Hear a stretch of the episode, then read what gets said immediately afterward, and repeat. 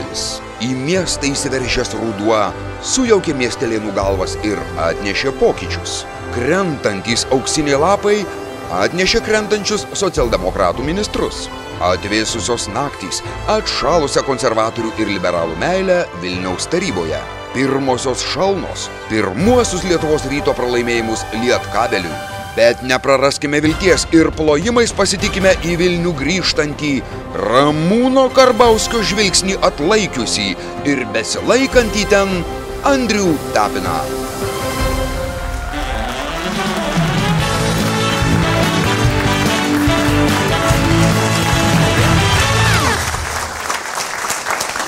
Labas vakaras, labas vakaras visiems, labas vakaras Lietuva, labas vakaras Vilnių, labas vakaras klube legendos ir, ir viso gero klube legendos. Tai yra paskutinis kartas, kai laikykitės ten su Andriumi Tapinu filmuojasi šiame klube. Turbūt jau pakankamai kartu prisidėjome prie prezidento Putino draugo Rotenbergo patarėjo gerovės. Na, jeigu nežinote apie ką aš, pasižiūrėkite naujausias Ritos Miliutės Rita laidas. Šiaip aš pasakysiu taip. Šitos žurnalistės naglumas yra neišpasakytas. Ateina į naują televiziją, dar neapšyla kojų ir pradeda tirti pačią televiziją. Rita, mes netaip tarėmės. Mes tarėmės, kad tu kitus tirsi, ne mus. Bet palyginus dar pigiai prasisukom. Palyginus su tuo, kad po rytos tyrimo bus likviduotas migracijos departamentas.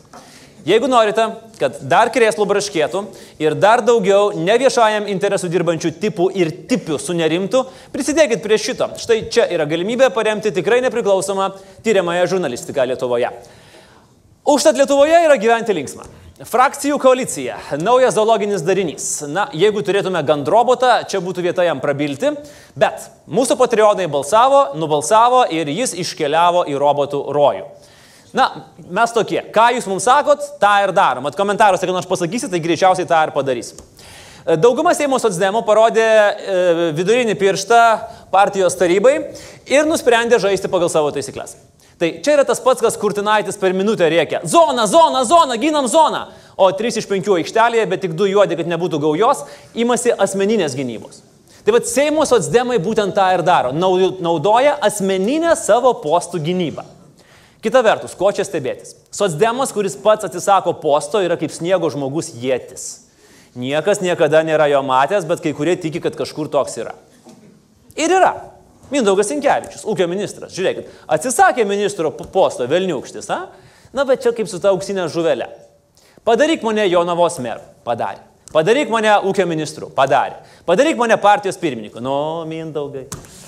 Atsiduso žuvelė ir liko Sinkevičius prie suskylusios geldos. Bet nieko tokio, Mindaugai mes pasižiūrėjom darbo skelbimus, Jonavoje yra darbo. Čia kaip koks realybės šaus skamba, Jonavoje yra darbo. Į pavyzdžiui, viename skelbime neseniai, prieš kelias dienas įdėtame, ieškomas Jonavos mokyklos darželio bitutė direktorius. Tai žinant, koks chaosas dedasi ūkio ministerijoje ir socdemų partijoje, su darželinukais galbūt ir pavyktų susitvarkyti.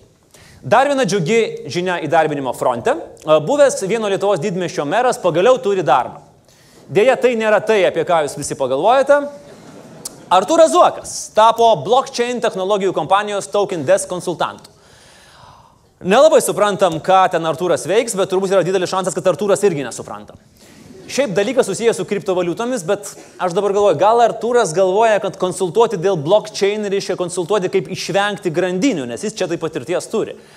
Tokiu atveju konsultuoti blokčiaino klausimus tiesiog veršti turėtų ir Masiulis, ir Gapšys, ir, ir dar, mėlyjei. Mėlyjei, steikit startupą, to, tokį korumpapą, nes blokčiaino užteks visiems.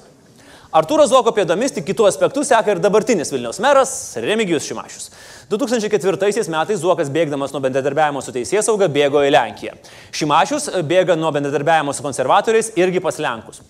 Vienas skirtumas - Zuokas bėgo į vakarus, Šimašių užnešė į rytus, kur įprastai žvelgia mūsų Voldemorto kariauna. Be Lenkų rinkimų akcijos naują koaliciją įsivaizduoti sunku, sako Šimašius. Na taip, Vilnių be Lenkų įsivaizduoti sunku. Vilnius be Lenkų yra Kaunas, turbūt. Ir, jo. Aš galvoju, praeis koks 10-20 metų mes filmuosim ir po 20 metų laikykitės ten ir visada bairė apie Vilnių ir Kauną eis, kaip ten bebūtų. Vilniuje apie Kauną, Kaune apie Vilnių, mes va taip gyvensim kaip per pietų mobilę. Ir e, e, mūsų mylima Lenkija Renata Citatska jau ruošiasi naujoms pareigoms ir kabina naujus užrašus prie Vilniaus e, miesto pradžios. O šiaip Vilniau viskas gerai, liuks. Šimašius puikiai tvarkosi, liberalai visiškai nesišaudo savo į kojas, viskas bus jums gerai. Dar viena džiugi žinia, praėjusią savaitę įvyko kažkoks nesuvokiamas nušvitimas ir už medicininių kanapių legalizavimą drauge pasisakė Majauskas, Degutienė, Džiugelis, Landsbergis, Karbausis ir Veryga. Kaip suprantu, vakarėlis Seimo viešbutėje nusisekė. Na, o mums uh, belieka tik pasidžiaugti, kad satyrinio vakaro šou žanras vis labiau populiarėja Lietuvoje. Be jo jau net neapseina ir nacionalinis transliuotojas. Į satyrą transformuojasi rimtoji laida savaitė, kuri ėmė naudoti štai tokias iliustracijas. Ponios ir ponai, tai skardžius prie skardžio, e, sako. Na, laikykitės ten LRT ir nemira. Kągi, o dabar metas tokiai mūsų šoniniai temai, bet, e, oi, labai svarbiai, nes Lietuva ir toliau kamuoja Džekilo ir Haido sindromas. Vieną dieną kas nors iš patvorės reikia kažką apie europederastus ir supuvusius vakarus, kitą dieną tas pats bičias iš tos pačios patvorės jau reikalauja duoti kalną pinigų už tai, kad jo pastarnokų lysvės kesta. Vieną dieną kas nors aiškina, kokie jie visi tam Briuselėje tinginiai ir nepaslankus kvailiai, kitą dieną reikalauja tokios pačios kokybės čipsų ir kavos, kokią geria Briuselio eurobiurokratai. Bet kai gerbiama Agnėje Galavičiūtė savo paskyroje pasidalino produktų, kurie skiriasi ir kurie nelentelė, tautiečiai susikelia taip, kad mažai nepasirodė. Čia jums ne žalgeris prieš Lietuvos rytą. Čia yra kuris Helmans majonezas skanesnis - airiškas ar norvegiškas, nes jie irgi skiriasi. Atstų sako. Tai pagal kurį kurpalį dabar vienodin draugai? Na, turbūt laukia dar vienas prasmingas referendumas. Kuris majonezas skanesnis balsuoja tauta? Bet grįžkim prie miltelių, šokolado ir euro alaus kokybės. Taip, mėlyjei, užsienyje kolas saldesnė, čipsai skanesni, žolė žalesnė, dangus mėlynesnis. Na, gal tik merginos pas mus gražesnės, o daugiau... Aišku, situacija absurdiška, bet kaip ir nenauja. Dėlių skirtumų tai nėra. Kartais tai būna dėl e, to šalies vartotojų prioritetų, vartotojų skonių.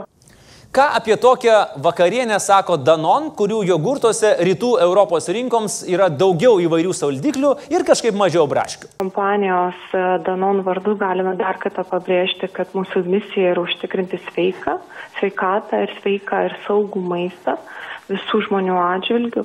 Sveika sveikata, sveika saugų maistas, sako mums Danon. Ir nėra taip ir paprasta išsivartyti iš gaidžio. Ir Danon dar sugalvoja truputį pasisunkinti situaciją ir kalbėti vien tik žodžiais prasidedančiais iš S raidės.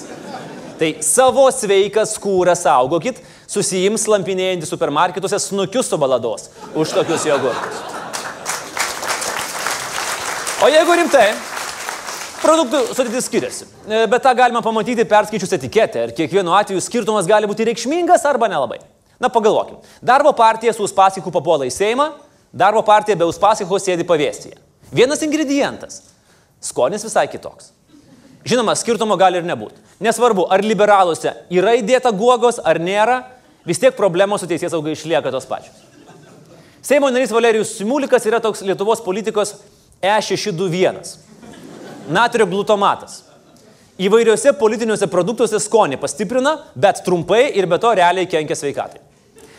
Yra dvi grupės, kurios tikrai nepraleis progos pariekauti. Viena grupė yra mylimi mūsų tautos atstovai, nes 42 Seimo nariai nusprendė, kad reikia sudaryti laikinąją tyrimo komisiją ir išsiaiškinti, ar taip nepažydžiamos Lietuvos vartotojų teisės. Na, nieko neprikiši, visiškai nepopulistiška, viskas tvarkoja. Jo lab, kad ir Žemės ūkio ministras Markauskas išvelgia klastą.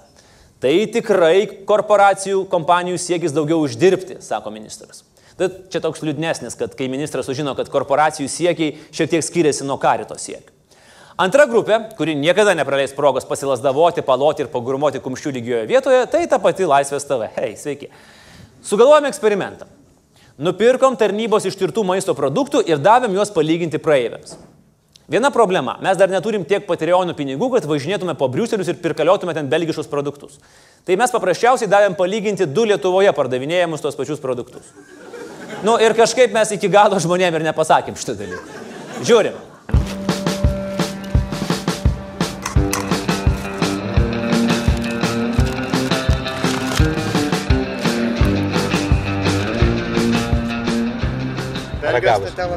stotela. Taip.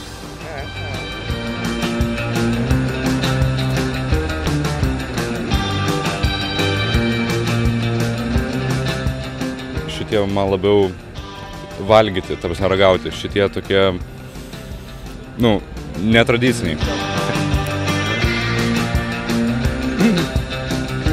skonis labai skiriasi, realiai. Ir sunku nustatyti, kuriame daugiau ko. Čia yra nelietuviška. Kuo skiriasi? Kvapu. Kvapu. Man tai įdomu to kužda, kad šitie lietuviški. Labą dieną. Galim sutrukdyti? E, taip, kas čia? Čipsai. Čipsai. E, o kodėl?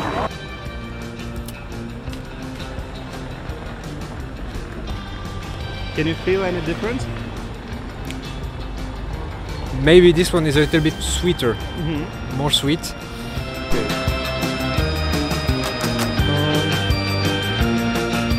Pirmas gal e, Lietuvos buvo. O čia iš Belgijos. Taip, O jūs iš kur? Estijos.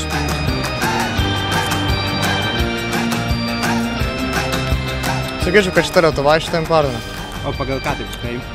Man pasakė, kad šita yra saldesnė. Čia iš Briuselio. Iš kur žinot? Nu, matau.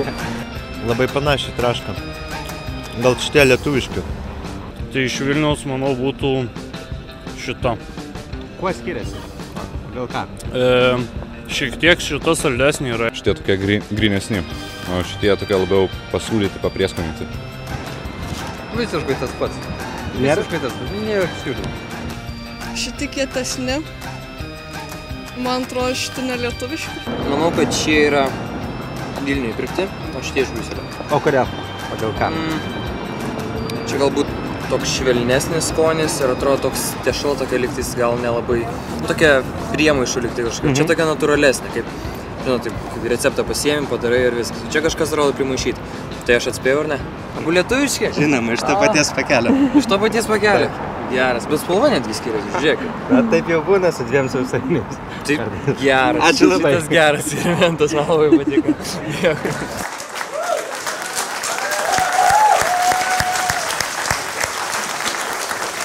Ir čia turbūt patarimas visiems mūsų žiūrovams, e, jeigu gatvėje Vilniuje arba kitame mieste prie jūsų prieis Laisvės televizijos e, žmonės, žinokit, bėgit nuo jų toliau, nes tikrai nieko gero nebus, nes sažiningai jie šitų žaidimų nežaidžia. Na, tokie rezultatai su tais Lietuvoje pardavinėjamais saldumynais, kur vienas e, sausainiukas iš tos pačios dėžutės yra šiek tiek toksai saldesnis, kitas mažiau saldus, na, gal, nežinau, gal ten ta prie konvejerio užmygo e, darbuotojo ar kažkas panašaus. Na, o dabar rimtai. E, Kad produktų sudėtis skiriasi pas mus ir tarkim Vokietijoje yra faktas, bet lygiai taip pat jį gali skirtis ir Vokietijoje ir pavyzdžiui Norvegijoje parduodamuose produktuose. Dažniausiai kompanijos to visiškai neslėpia ir vadina tai produkto pritaikymu konkrečiai nišai, bet dabar jau gamintojams priminta odega ir ES žada imtis tyrimų. Kol jis neprasidėjo, gamintojams reikėtų atsakyti klausimus, kodėl mūsų šokolade yra kitokių priedų nei pas vakariečius. Nes bijau, kad intergalaktinė klasika apie skirtingus skonius rinkoje nebesueis. O atsakymas gali būti daug paprastesnis - gamybos kaštai ir nuo jų priklausanti kaina. Bet mes čia Laisvės televizijoje esam su tauta, mes esam tokie pat europiečiai ir norim tokio paties natrio glutamato ir tokios pačios nutelos, o simuliką mes jau turim patys. Be maisto produktų, tai dar mes visai norėtume ir normalių socialdemokratų. Vakaruose jie normalūs, pas mus kažkoks jovalas. Vat, par- pasižiūri ir vat, jovalas. Šiandien tai yra mūsų pagrindinė tema. Tikitės, kad e, dabar atsidarys langas į gamtą apie užšotus bebrus? Ne visai. Bet turtuoliai irgi verkia, bebrai irgi serga. Reikės gydytis. Taip susiklosti, kad vėl ta raudona spalva mano gyvenime, bet iš tikrųjų tai yra mano mėgstamiausia spalva. Tai jeigu jau reikės rinktis politiko karjerą, jau variantų nelabai yra. Ne, tai čia sekantis žingsnis, natūralus. Po to. Koks durniausias klausimas yra, kurį esat gavęs, arba tas, į kurį jau blogą atsakinėt? O, čia, gera, čia, čia geras klausimas buvo, bet... bet... Matai, sako, aš blogas pašnekovas. Neblogas aš pašnekovas. Bet kai pramušė, tai... Ne, mat, Viskas. uh, Bet čia tavo draugas galėtų naudoti, kai reklamą Karbauskis, prašau. ką reiškia mano draugas Karvauskas? Ramu. Opera domitės? Mes čia turim tokį tradicinį klausimą, mes jį visiems užduodam pašnekovams. Kai kurie nesakinėja. Gal jums pavyks. Kas parašė traviatą? Verdis ar Bize? Jokio supratimo. Bet vat. Nulis. Nulis. Aš esu labai tokiam gavęs kitą baudą dar. Čia tai ne, ne baudos yra. Bet Taip. aš su teisėjais visada mėgdavau kalbėtis. O kas nemėgsta? Tai... Nu, taip, ir atsimenu, MBA sužaidėm varžybas ir išeidinėja teisėjai ir aš dar taip kalbu, kalbu, kalbu. Ne. Tad mane jau nusivedė draugai ir kitą dieną ateina 25 tūkstančiai bauda.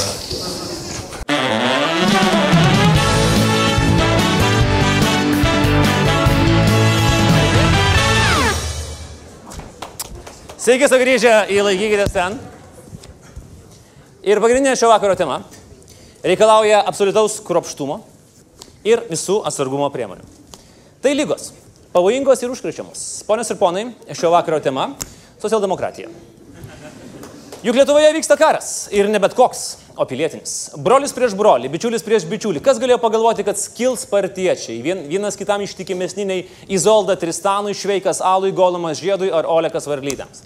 Kad Kirkilas įsikabins į gerklę Paluckui kiečiau nei kapitonas Amerika Toniui Starkui ar išdykelė tikrąją išdykelį. Tokie dalykai gali prasidėti tik rimtai susirgus. Bet prieš nustatydami socialdemokratijai diagnozę, ar jį komoje, ar tiesiog prastai jaučiasi ryte po medžioklės, pažiūrėkime, kas buvo Lietuvoje plintančios raudonukės pirmasis ligonis - Patient Zero.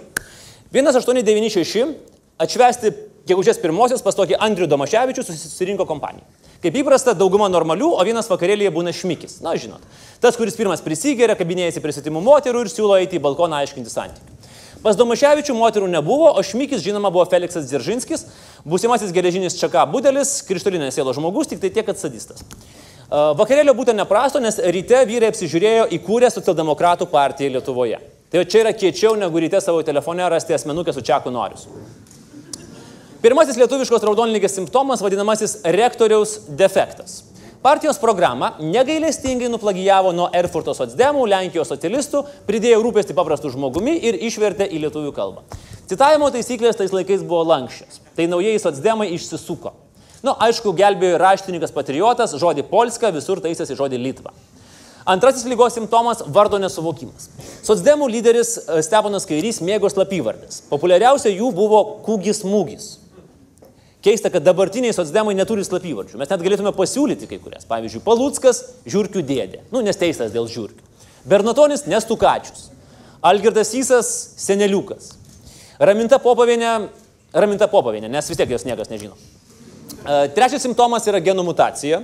Deržinskis buvo tik žiedeliai. Vėliau socdemai sumetė skudurus su Vinco Mitskevičiaus kapsuko organizacija Draugas, po to prisijungė Zigmas Aleksandrietis ir iš jų susidarė tokia pavojinga komunistuojanti kompanija. Jaunai kartai paaiškinu, kad čia būtų maždaug tas pats, kaip dabar, tarkim, liberalų sąjūdį priimti Tomaševskininkus ir pro-kremlinius Rusų alijanso atstovus. Ai, palauk, čia. Gali taip ir būti. Uh, Sotsdemų ir komunistų meilė truko tik keliarius metus. 11 metais komunistai išėjo kelti revoliucijos, socdemams temperatūra užkilo tik 1926 metais, kai per rinkimus krikdemai susimovė ir socdemams tunelio gale sužybo raudona šviesa. Laimėjo 15 mandatų ir pagaliau pateko į valdančiąją koaliciją kaip mažasis partneris su valstiečiais liaudininkais. O vaikelė, o dar Širinskė nesavo, kad laiko spiralę reikėtų uždrausti. Viskas kartojasi.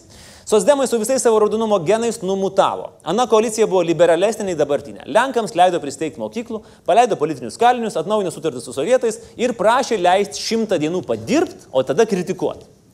Tai po šimto dienų naktį atėjo generolas Plechavičius pas mėgančius ministrus ir jau pradėjo juos truputį kritikuoti. Po tokios kritikos socdemai pajuto artėjančią komą ir dar pabandė surenkti nesėkmingą pušą taurėgėje. Atkreipsiu dėmesį, dar vienas latentinis uh, simptomas prieš artėjant komai, socdemų vadai visada ima kalbėti apie pučą. Žinot, kada aš atostogavau sausio mėnesio pabaigoje, tai aš suprantu, kad buvo organizuojamas pučistinis perversmas. Uh, jo.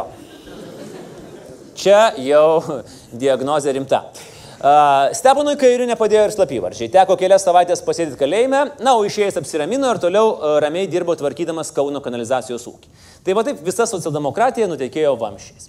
Tada atėjo 40-ieji. Per Lietuvą nusirito politinis maras, kurį išgyveno tik mūsų jau aptarti, na, mutavę, sakykime taip, tarakonai arba Lietuvos komunistų partija, neturėjusi nieko bendro nei su Lietuva, nei su socialdemokratija, nei pati su savimi.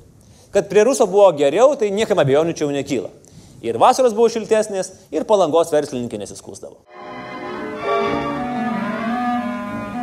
Kai kas jau per daug nusvilo. Oi, skaudės naktį šonai. O kai kas ir apetito neturi. Minkštos poilsiautojų širdys vieninteliai drapanotą gelbsti. Vis tik neblogai, kad nors kartą puikiai vasara.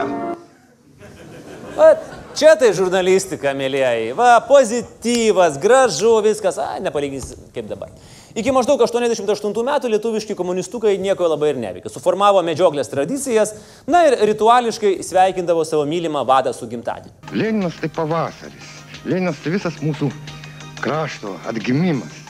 Ir man labai labai norisi, taip sakant, rašyti apie tada, kai būnu Lenino aikštė. Man kartais atrodo, kad Leniną gyvą senameščių ženginti aiškiai regiu.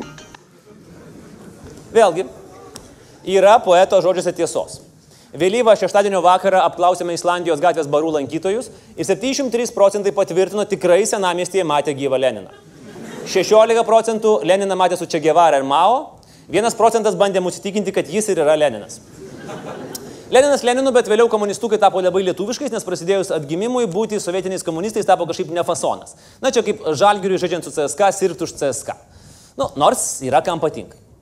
E, Tada visai socialdemokratijos e, lyga išvešėjo į naują ambicingą dalyką - Algirdą Mykolą Brazauską. Žmogus, kuriam jau teko filtruoti kalbas lyginant su pirmtakais, nors į istoriją įsėjo tokiom frazėm kaip apie trispalvę, kol kabės šitas kuduras, aš nekalbėsiu.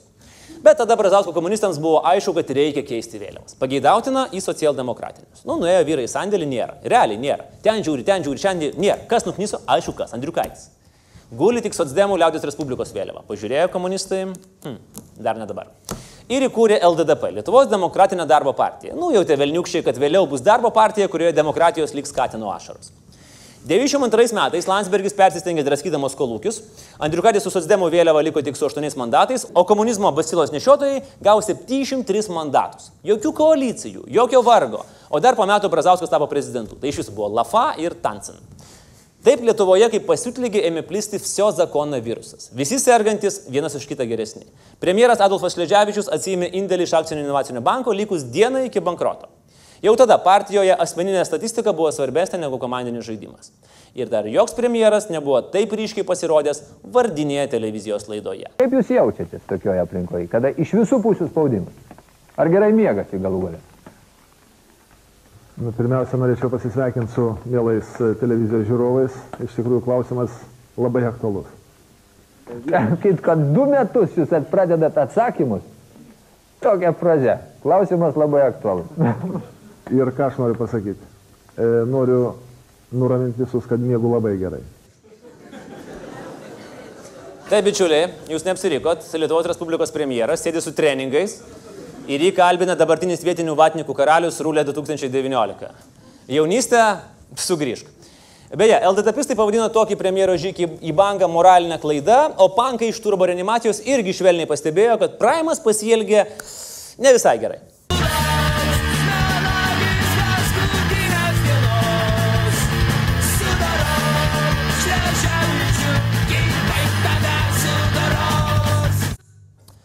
Pralaimėjusių rinkimus 96 metais kairė atsidūrė palatoje. Na, o visi žino, kas būna, kai vieni palatoje uždaromi vis dar nuotikių norintys pajėgus jaunuoliai.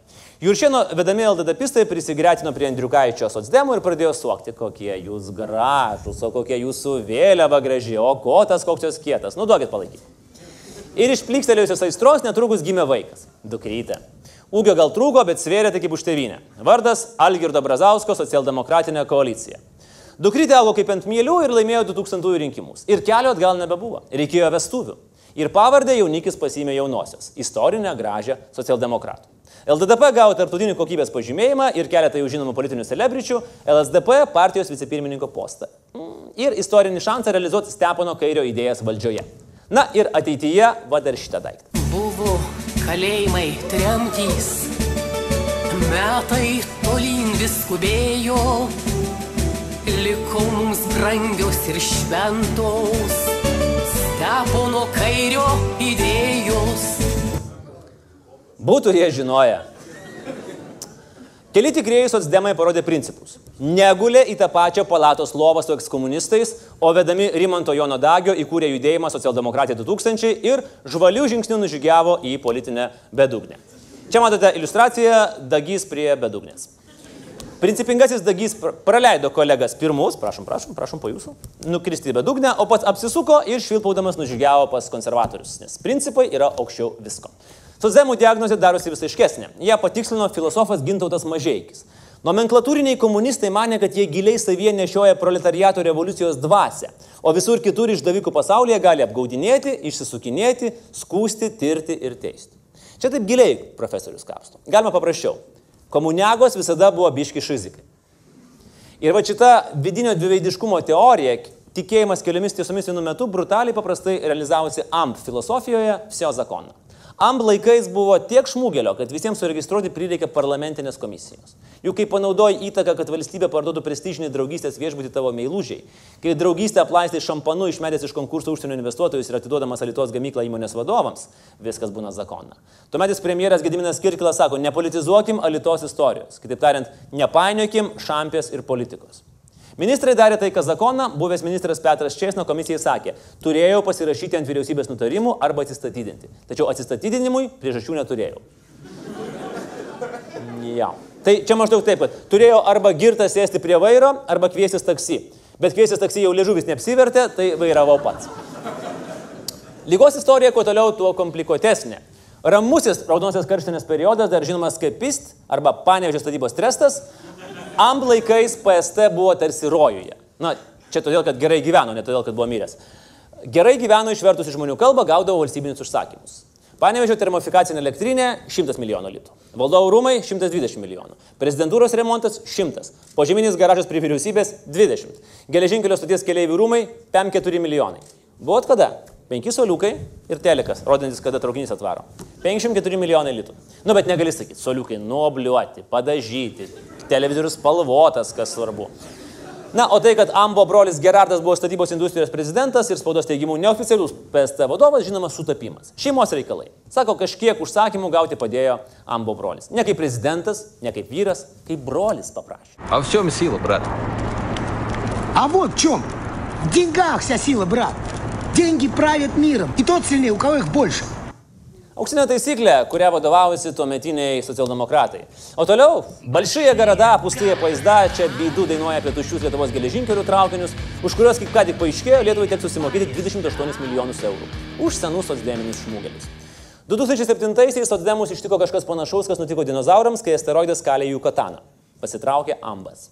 Ir tada paaiškėjo, kad patriarchas padarė esminę patriarcho klaidą, neparuošė savo pamainos. Arvidas Sabonis užsiaugino Domantą, Vytautas Landsbergis Anuką Gabrielių. Net Vitalija Katunskytė išmok, išmokė dukrą Moniką laikyti mikrofoną. Brazauskas nieko.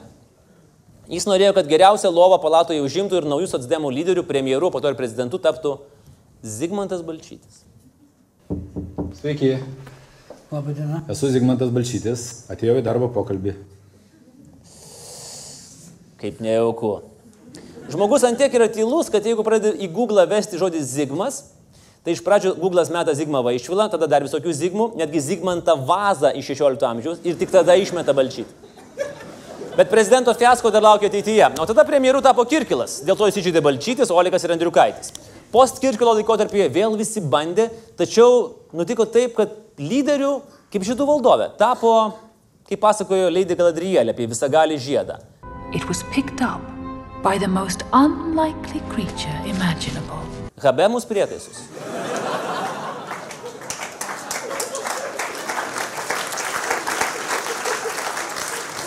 Šis žmogus yra apgynęs vieną keistesnių disertacijų per visą VGTU istoriją, o po to aštuonerius metus buvo vienu ir keistesnių premjerų ir socdemų lyderių ir dar buvo labai populiarus.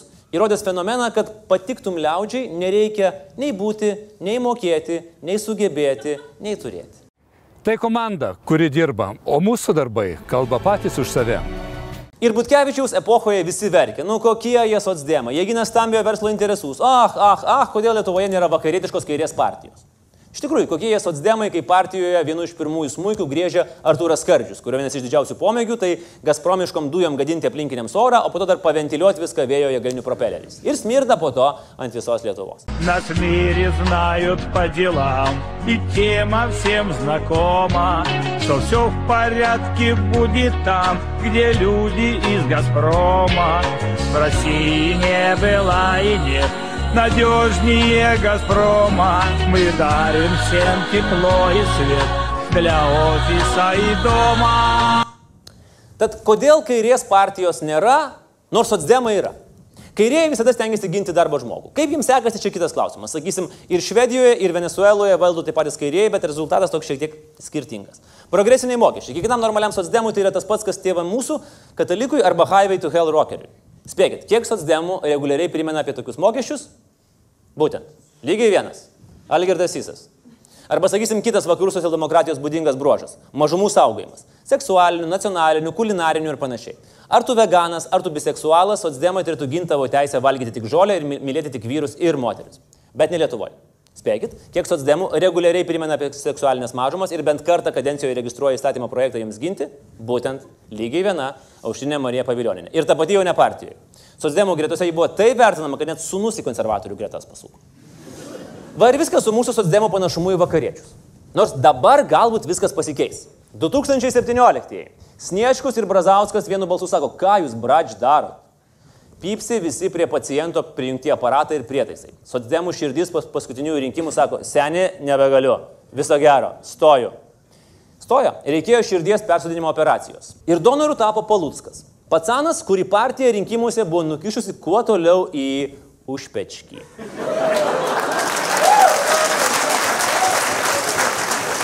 Pirmos savaitės po operacijos atrodė visai neblogai. Reitingų kardiogramos liūdėjo, kad socialdemokratai išsikapstys.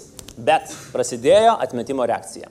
Kai tas pacanas paėmė partiją už pavadžio ir pamėgino atitraukti nuo valdžios. Jūs turite šunį? Kiek salėje yra turinčių šunis? Pakelkite rankas, kiek turi? O, tai va, žiūrėkit, turbūt žinot, ar ne, kas būna, kai savo šuniuką bandot atitraukti nuo bliūdo. Kai, o jis tik, tik pradėjo potauti, va tik tik prisėdo. Karas. Ir įkiokime gretas, tas pats su sosdemais. Vienoje pusėje donorinis pacanas Paluckas ir jo pažadai atsinaujinti. Jeigu jau kalbame komiksiniais herojais, kapitonas socialdemokratija. Jį palaiko partijos skyriai ir jo pusėje kiti superherojai - lankstusis Olekas ir raudonoji pantera Rasa Budbergytė. Dar keiščiau, kad čia matome ir komisarą Andriukaitį ir Bronių Bradauską, pasakiusi, kad girti indienai nebūtų pasirašę tokios koalicijos sutarties. Vat matosi, kad kalba patirtis. Žmogus tikrai yra bendravęs su girtais indienais. Kitoje pusėje - Seimo socdemai. Čia randame Kirkilą, Butkevičių, Sinkevičių, Šiaulienį ir kitus. 1996 metais šitie garbų žmonės, LDDP vėliavnešiai, jau balotiravosi į Seimą, Lietuvą valdė, reikalus tvarkė, o Paluskui tuo metu buvo 17 metų ir jis galvojo, kaip čia per pertrauką nuvarius už Balčikonio gimnazijos kampo susišaudyti cigaretę. Jaučiat skirtumą? Kai 92 metais Kirkilas buvo LDDP frakcijos seniūnas, Šiaulienė jo pavaduotoja, tai Paluckas dar rašė mama malė, tėtė kalė. O kai Kirkilas buvo komunistų partijos tokia instruktorius, Paluckas musę CC, o duona niam niam vadino. Ir va šitas, šitas patsukas, man netrūksta žodžių, kaip negerbiama patirtis, dabar nori nuo bliūdo jos atitraukti. Seimo pirmininko pavaduotojų postus iš Kirkilo ir Šiaulinės atimti. Paskutinį trupinį iš burnos ištraukti. Ir supranta patyrę žmonės, kad baigėsi jų galiojimo laikas. Slysta standus vėliavų kota iš rankų. Kitose Seimo rinkimuose partijos lyderis nepamirš, kas jam davė 42 numerį. Ir skolingas neliks. Tad reikia laikytis. Dzin Lietuva, dzin partija, dzin socialdemokratinės vertybės, kuriamis taip pat taip nesivadovauja. Seniūnas Andrius Palionis rudenį susitiko su premjeru Skverneliu ir pastarasis jį užkrėtė savo idėjomis taip smarkiai, kad Palionis premjerui pažadėjo, kad Seime socialdemokratai koaliciją palaikys visą sesiją. Žodis koalicija tariamas Palionio kažkaip keistai kelia asociaciją su australietiškom koalom. Jos irgi labai tvirtai laikosi įsikibusios į eukaliptus ir jokių būdų nenori pasileisti. Žodžiu, pas raudonosius kilo šiokia tokia žalioji epidemija, kuri gali baigtis ne tik skilimais, bet ir pirmalaikiais rinkimais. Nu, bet esam turtinga šalis. Galim sauliaisti 7,5 milijono eurų išleisti vienai partijai gydyti. Diagnozė lietuviškai socialdemokratijai kaip ir aiški. Raudonojo geno mutacija sukėlė ilgalaikį šizofreniją, esminybės susidvėjinimą, dėl kurio atsirado ir sustiprėjo širdies defektas, pareikalavęs skubios transplantacijos. Operacija pavyko, bet genas kol kas dar gyvas. Jis sėdi Seime ir laikosi įsikabinę savo pozicijų, apsimesdamas, kad čia dėl Lietuvos. Toks koalinis prisisirptukas. Ir lieka du variantai. Pirmas - partija paklausys transplantuotos širdelės balso ir neskils. Apsimes, kad čia buvo bayeris ir kad viskas, kad mama su tėtė biškiai apsipyko, tėtė išėjo, tris dienas gėrė kaip broniaus indienas, ketvirtą grįžo šilkinį su rožių pokštą. Kitas variantas - frakcininkai liks koalicijoje, o už tai Paluskas jūs turėtų visus išmesti von. Tada jie galės kurti naują partiją, kuriai stebėtinai gerai tiktų Lietuvos demokratinės darbo partijos pavadinimas. Tik ant postų ir mandatų galima dėti didelę apdulkėjusią rožę. O tai ką pasiūlysi, daktarė? Hm? Ar mūsų jaunos demokratijos ir socialdemokratijos būklė kritinė? Gal humaniškiau būtų išjungti aparatą ir nebeleisti jai kankintis? Žinoma, ne. Kairioji politika yra svarbi ir būtina šio laikiniai visuomeniai. Ar socialdemokratai gali prisikelti? Žinoma. Kaip Lozorius, kaip Rytis Cicinas, kaip Fools Garden vis prisikelia, kad galėtų sudėti savo hitą Lemon Street, vienintelė šalyje, kuri dar prisimena Lietuvoje. Kaip Liverpoolis prisikėlė legendinėme čempionų lygos finale prieš Milaną. Taip ir socdemai. Suprasdami, kad socialdemokratija reikalinga Lietuvai, pradėkite žaisti už Lietuvą. Eikite į komandą ne dėl to, kad kapitono postą gautumėt, ar dėl asmeninės statistikos tritaškus į savo krepšį varytumėt, o kad žiūrovai, kurie sumokėjo už jūsų pasirodymą balsais, būtų patenkinti, plotų ir šauktų eina, eina. Ir tiesiog įsiklausykite savo partijos pavadinimą - socialdemokratai. Atraskite savyje humanizmą ir pradėkit nuoširdžiai dėkti socialinį teisingumą. Yra tiek sričių, kur jūs galite būti lyderiai - lygios teisės, darbuotojų apsauga, švietimas, socialiniai reikalai, pamiršti žmonės. Tad geriausias receptas, kurį šią dieną išrašau - du bilietai į teatrą, kad nueitumėte su savo antrąją pusę, net jeigu tai girtas indienas, ir susitaikytumėt. Ir atminti gerinantis homeopatinis preparatas, kad prisimintumėt, jog svarbiausias žmogus nėra rinkiminis lozungas. Tai jūsų partijos esmė. Arba galite pasidaryti Algirdo Brazausko hologramą ir daryti su ją gramą, tikėdami, kad rinkėjams patiks. Bet tada jau sveikatos nebus. Štai tiek šią vakarą, laikykitės ten laidoje. Ačiū visiems žiūrėjusiems, likite su mumis, žiūrėkite mūsų kitas laidas, žiūrėkite, ką dar sudegins rytą savo laidoje ir prenumeruokite, o mes pasimatysime lygiai po savaitės. Ačiū ir laikykitės ten. Iki.